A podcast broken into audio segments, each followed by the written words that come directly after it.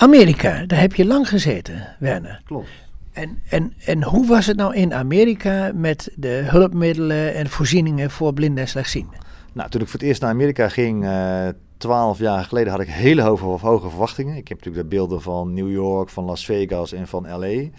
En ik ben toch wel een beetje, uh, nou ik moet niet zeggen van de koude kermis thuisgekomen, maar het is heel anders dan wat ik gedacht had.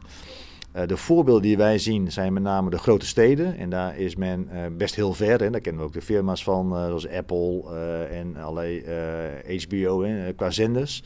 Maar wat we vaak vergeten is dat het land enorm groot is. En in alle buitengebieden men bijvoorbeeld al veel slechter internet heeft dan wij in Nederland hebben.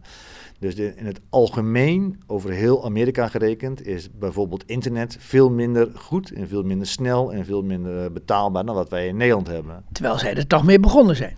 Ja, maar dat zijn met name bijvoorbeeld in Boston of op bepaalde uh, instituten, uh, uh, colleges. Daar is het absoluut veel verder dan het bij, bij ons is. Maar ja, dat is maar een klein deel van Amerika. En dat is niet voor het gehele land, voor geheel Amerika. Dus je moet denk ik onderscheid maken in drie of vier moderne steden of op universiteiten. Daar zullen ongetwijfeld andere dingen veel verder zijn dan wij hier in Nederland zijn.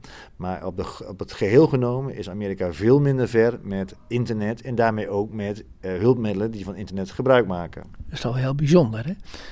Ja, dus uh, was voor mij ook verrassend uh, om dat te ontdekken. Omdat je toch een beetje in die zin een raar beeld van Amerika hebt. Dat je denkt dat zij heel veel verder zijn. En ik denk, ik durf te zeggen dat Nederland op bijna alle terreinen uh, gemiddeld genomen veel, veel verder is. Is niet alleen met internet, maar ook met het verstrekken van hulp, hulpmiddelen. We hebben in Nederland in die zin een heel mooi systeem.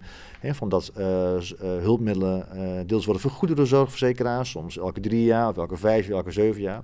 In Amerika ken je dat vrijwel niet. Dan moeten mensen het zelf betalen. Dus we hebben heel veel terreinen denken wij dat, wij, uh, dat Amerika veel verder is en dat we een beetje achterlopen in Nederland. Nou, ik durf te zeggen dat het gebied van internet en hulpmiddelen uh, voor onze doelgroep dat zeker niet uh, het geval is. Ja. Maar van de andere kant is, heeft Apple de iPhone en de iPad ontwikkeld, waarin fantastische voorzieningen voor blinden en slechtzienden staan, wat we in Nederland beslist niet hebben ontwikkeld. Nee, dat klopt. Dus ik denk dat wel zeker Silicon Valley, waar dat soort bedrijven gevestigd zijn, dat die heel ver zijn en dat die echt gewoon baanbrekend zijn, met nieuwe dingen komen, waar we allemaal heel veel baat bij, bij hebben. Maar of dat daarmee ook gelijk betekent dat dat hele land Amerika zoveel verder is dan dat wij zijn, dat, dat, dat is zeker niet zo. Maar wel op iPhone-gebied. En, uh, en hier, hier was het zo dat bijna alle, uh, of de helft van de blinden, die hadden al een iPhone.